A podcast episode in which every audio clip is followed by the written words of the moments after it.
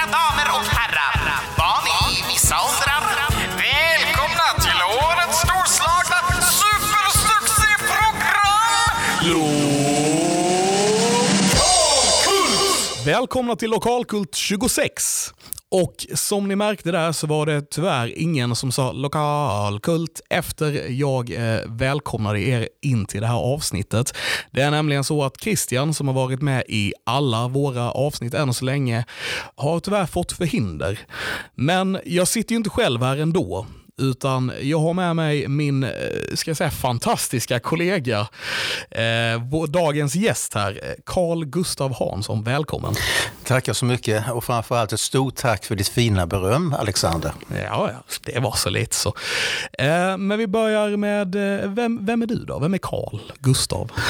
Kalle brukar jag alltid säga det. det. Ja, jag brukar kallas Kalle, men jag heter egentligen Carl Gustav Hansson.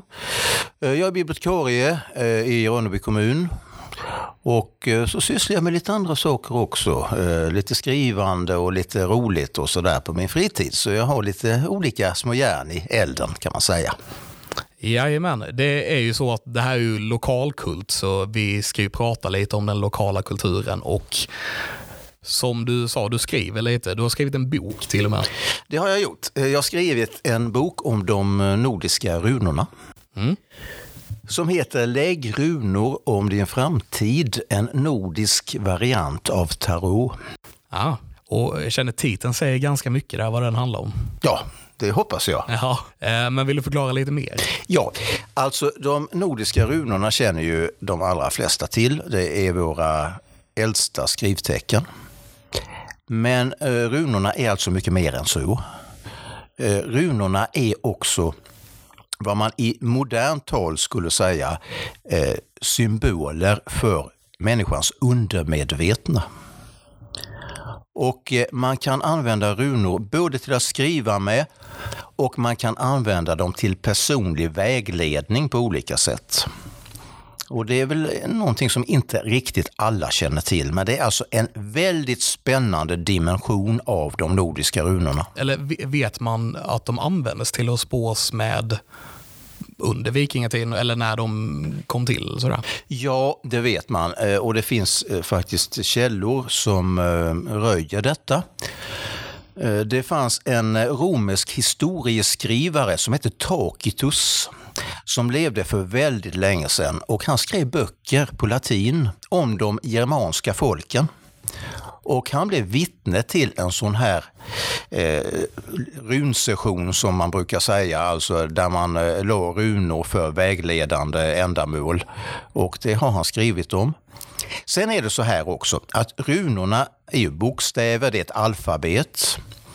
Men sen är det helt annorlunda. Därför att varje runa är också en symbol för en aspekt av tillvaron.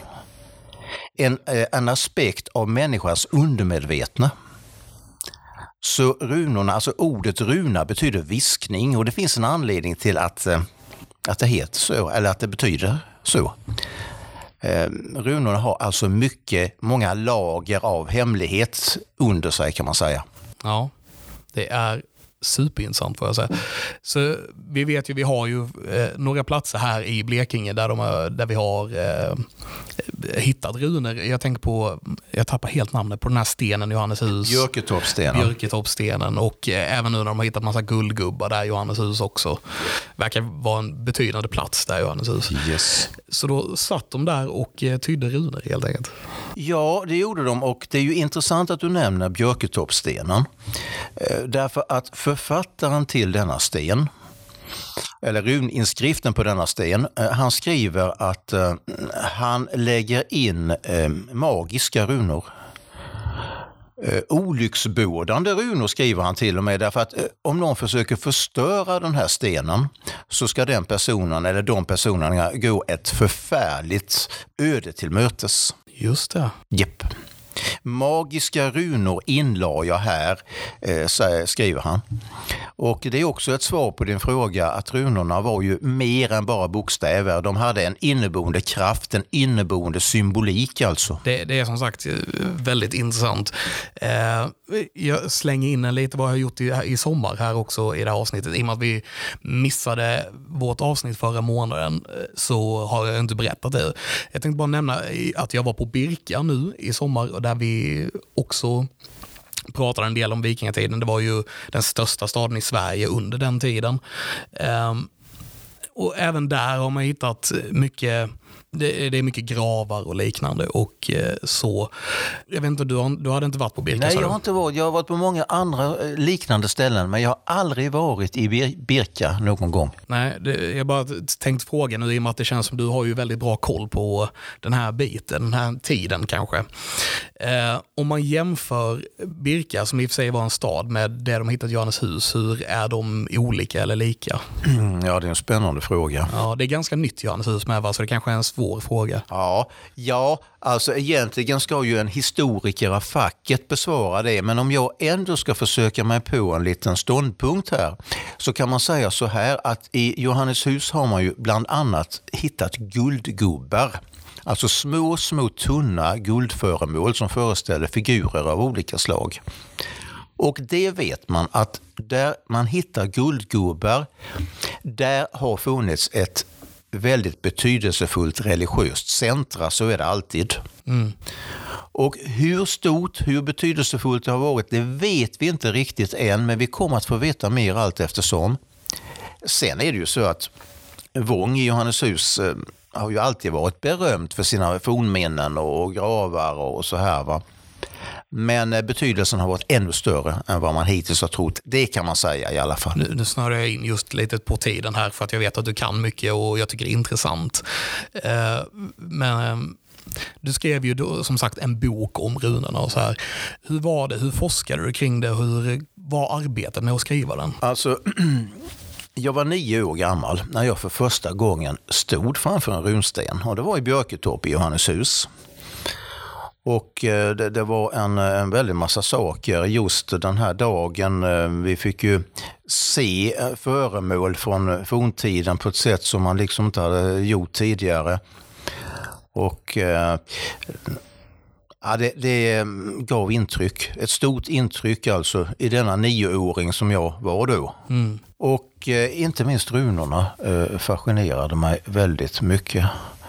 Eh, och jag började, alltså efter det började jag läsa böcker, i och för sig rätt enkla böcker om, om runor och om nordisk forntid. Och det var där intresset började egentligen.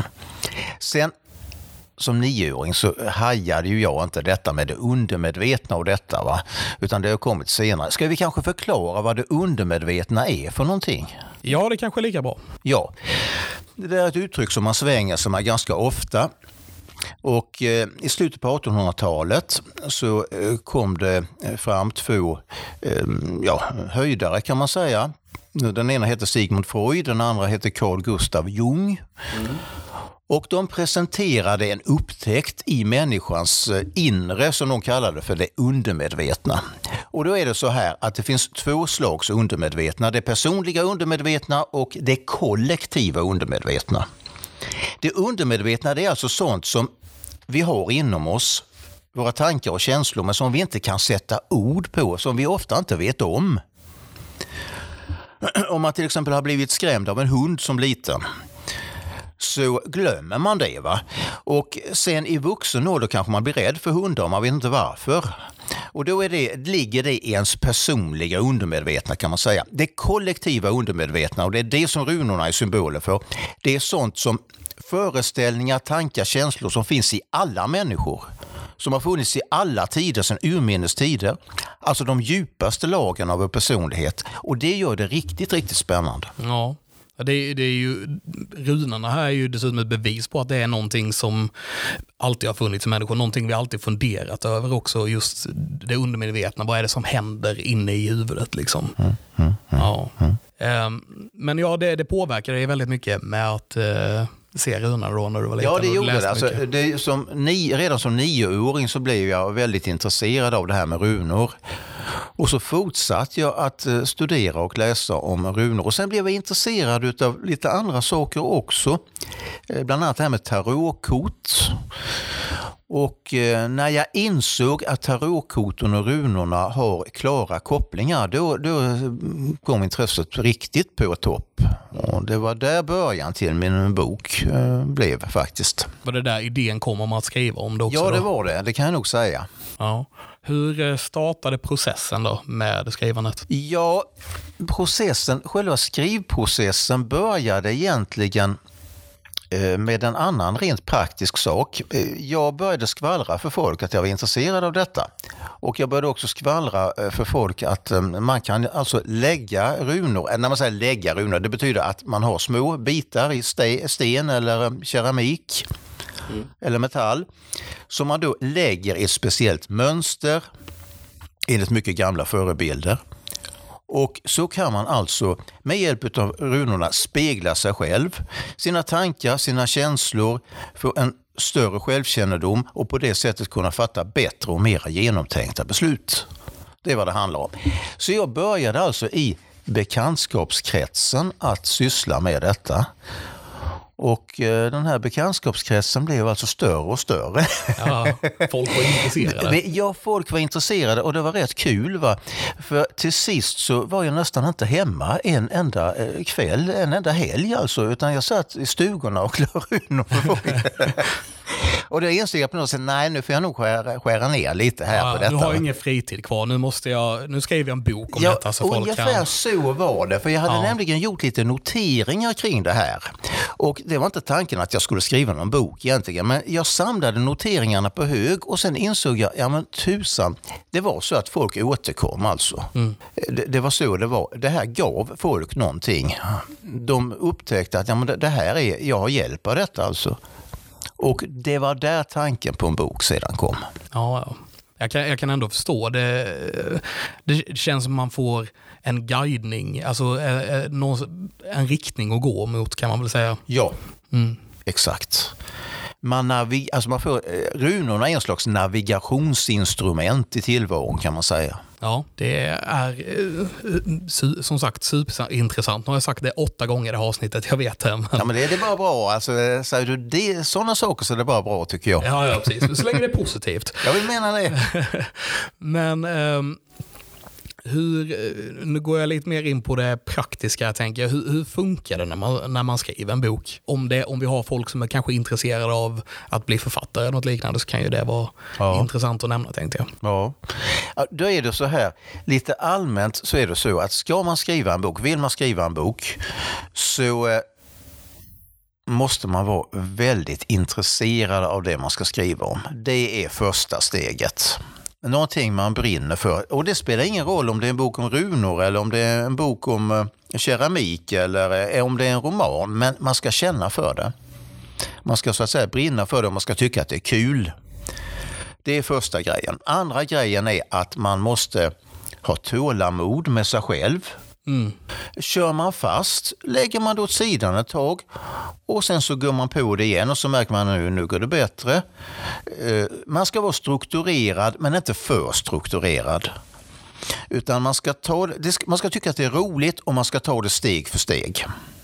Det är nog eh, de viktigaste grunderna egentligen när det gäller ett författarskap eller Ja. att skriva en bok. Men i, I kreativa saker överlag tror jag det är viktigt att man tycker det är roligt. Absolut. För annars blir det väldigt svårt att göra. Ja, Eh, Även från erfarenhet från att göra film och liknande som jag har. Ja. Man måste tycka det är kul för annars Yes. funkar det inte. helt rätt. Helt rätt. Och eh, sen kontaktar man ett bokförlag då, eller hur? Ja, alltså grejen är den att när man väl har fått till det så att säga och tycker att ja, nu är detta, det här är som jag vill ha det, nu är det färdigt. Eh, då, då ska man börja tänka på det där med att kontakta bokförlag. Och då, eh, första steget är ju att man kollar upp vad finns det för bokförlag att kontakta. Och sedan kan man göra sina små sonderingar alltså. Man skickar in ett manus och berättar vem man är och vad man har gjort och varför man har gjort det och vad man vill med det. Och sedan inväntar man alltså svar.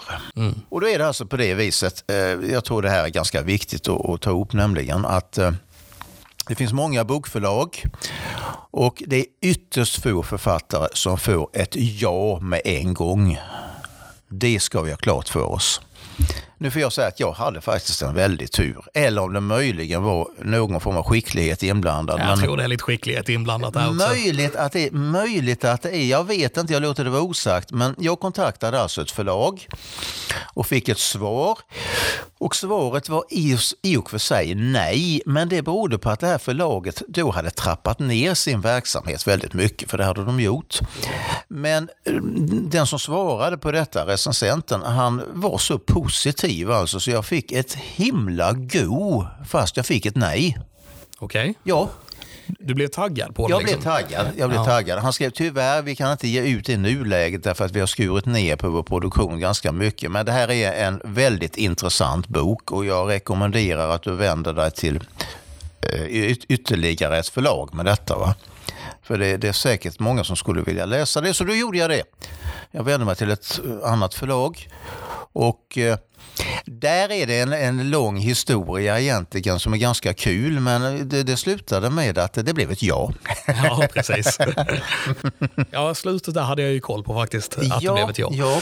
Men vad som är så jätteviktigt att säga när det gäller detta med att skriva böcker är att om man nu får nej, nej, nej, nej, nej så ska man inte ge upp om man själv tror på det man gör.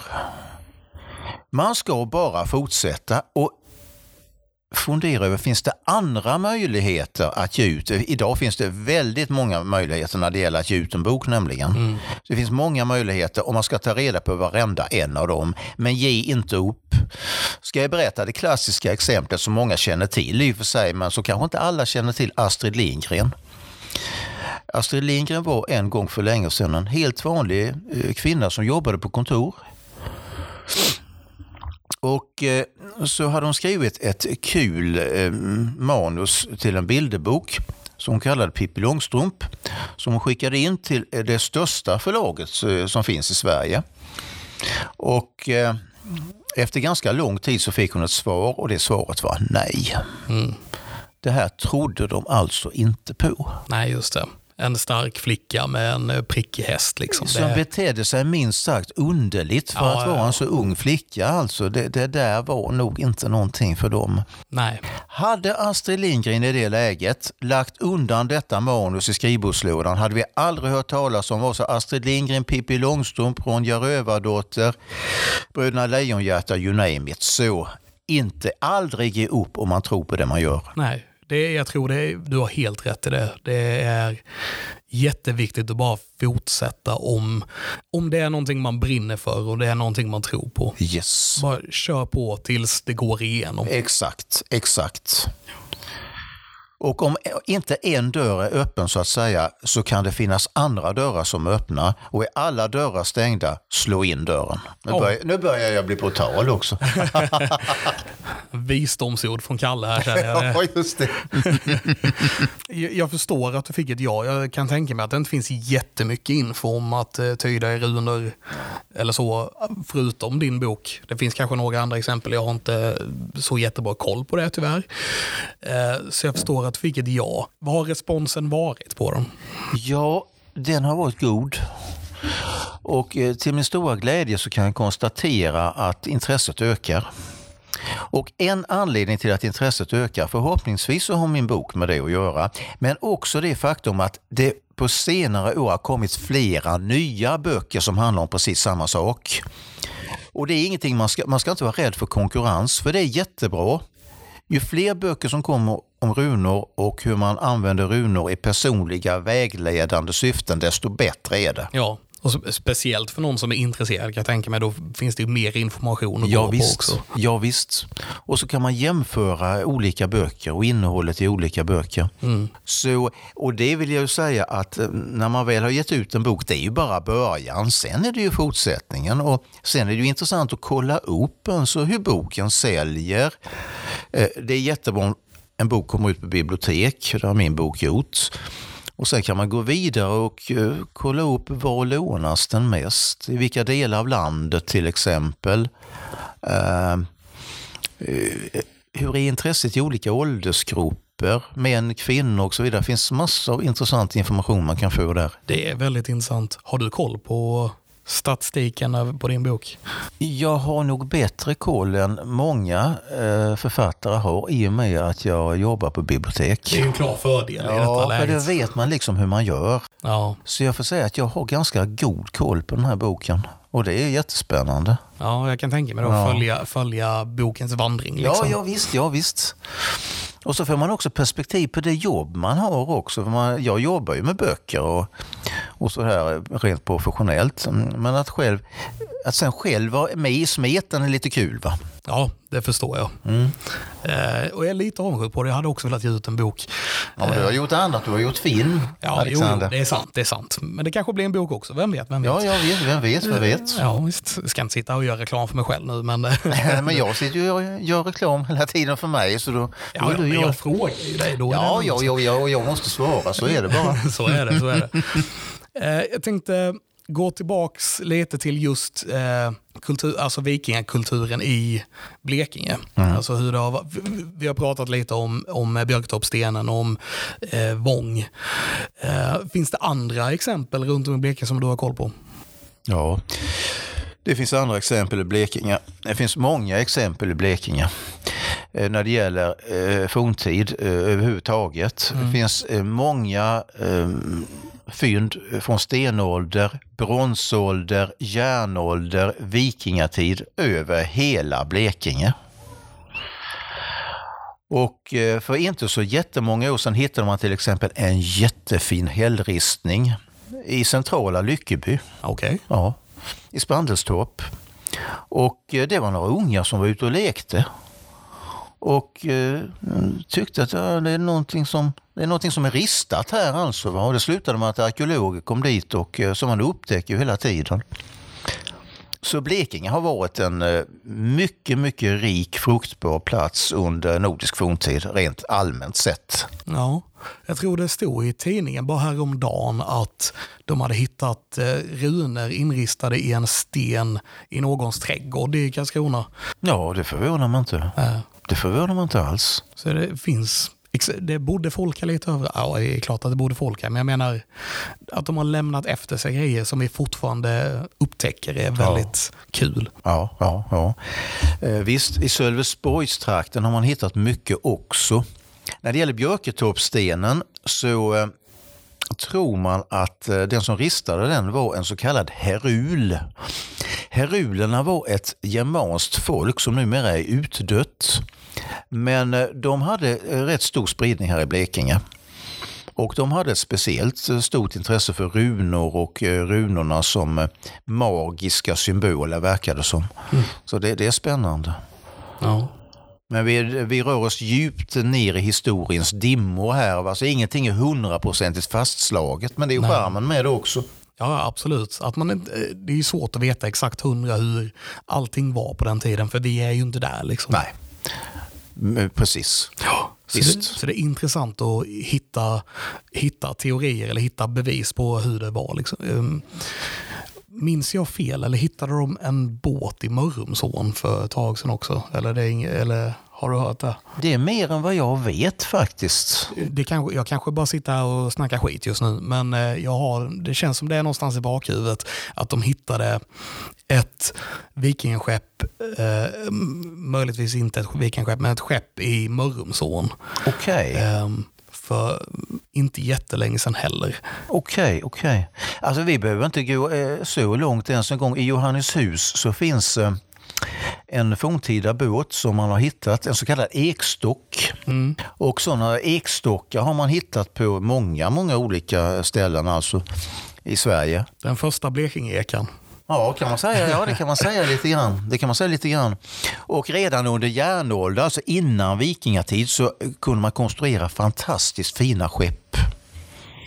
Och man, hade, eh, man gjorde färder till sjöss på fina skepp redan under bronsålder för övrigt. Ja, Eh, Och de här skeppen har man ju, man har ju hittat vikingatida skepp i gravar Just och man har det. rekonstruerat en del av dem. Och eh, man har till och med eh, i något fall i Norge har jag för mig gjort en kopia som man har seglat med. Och eh, de var ju torögda besättningsmännen alltså. Vilken otroligt teknisk finess eh, det ligger bakom de här skeppen. Ja. De är otroligt välbyggda. Ja, jag, har sett, kollat lite grann. Jag har ju själv lite av ett intresse för det också. Det, det är jättehäftigt att se liksom var, hur de gjorde på den tiden. Ja. Eh, Det känns som att vi kan prata om det här för alltid lite grann. Eh, Du och jag pratar ibland lite för mycket redan som det här. Men det är bra med kommunikation. Det är bra med kommunikation, det har Yes. du helt rätt. Yes. Eh, Jag tänkte bara som en liten avslutande grej, har du några tips på sevärdheter? Behöver egentligen inte vara i Blekinge, eller, men på, runt om i världen på någonting som rör detta. Liksom. Var hittar man bra runor? Eller Ja, liknande? var hittar man bra runor? Man hittar faktiskt bra runor egentligen över, eh, över hela Skandinavien. Och sen är det lite grann så med detta faktiskt att det, det har gått lite status i det också. Man, jag skulle kunna nämna Rökstenen i Östergötland till exempel som är en fantastisk sten. Eh, och den är berömd. Det, är- den, det finns en väldig massa runor där. Men det, det är inte så himla lätt att tyda de här runorna och det är bland annat därför den har blivit berömd. Men det har kanske gått lite status i det på det sättet som inte alltid är så himla bra därför att det allra mest väsentliga med runorna det är inte att det är den största och finaste runstenen utan det är snarare, snarare runorna som symboler som är intressanta. Vad de har att säga oss, vad de har att berätta om livet förr i tiden, vad de har att berätta om hur man levde, hur man tänkte, eh, vad man trodde på, eh, vad man tyckte var viktigt i tillvaron. Och sist men inte minst, och nu gör jag en personlig reflektion här, så kan runorna alltså ha betydelse också för oss i vår moderna tid, i vårt privata liv, i vår privata verklighet. Bli en form av navigationsinstrument i tillvaron när vi ska fatta beslut, eh, när vi ska få perspektiv på saker och ting, när vi vill utveckla oss själva. Det, jag ska nog börja forska lite i detta själv. Jag ska läsa din bok.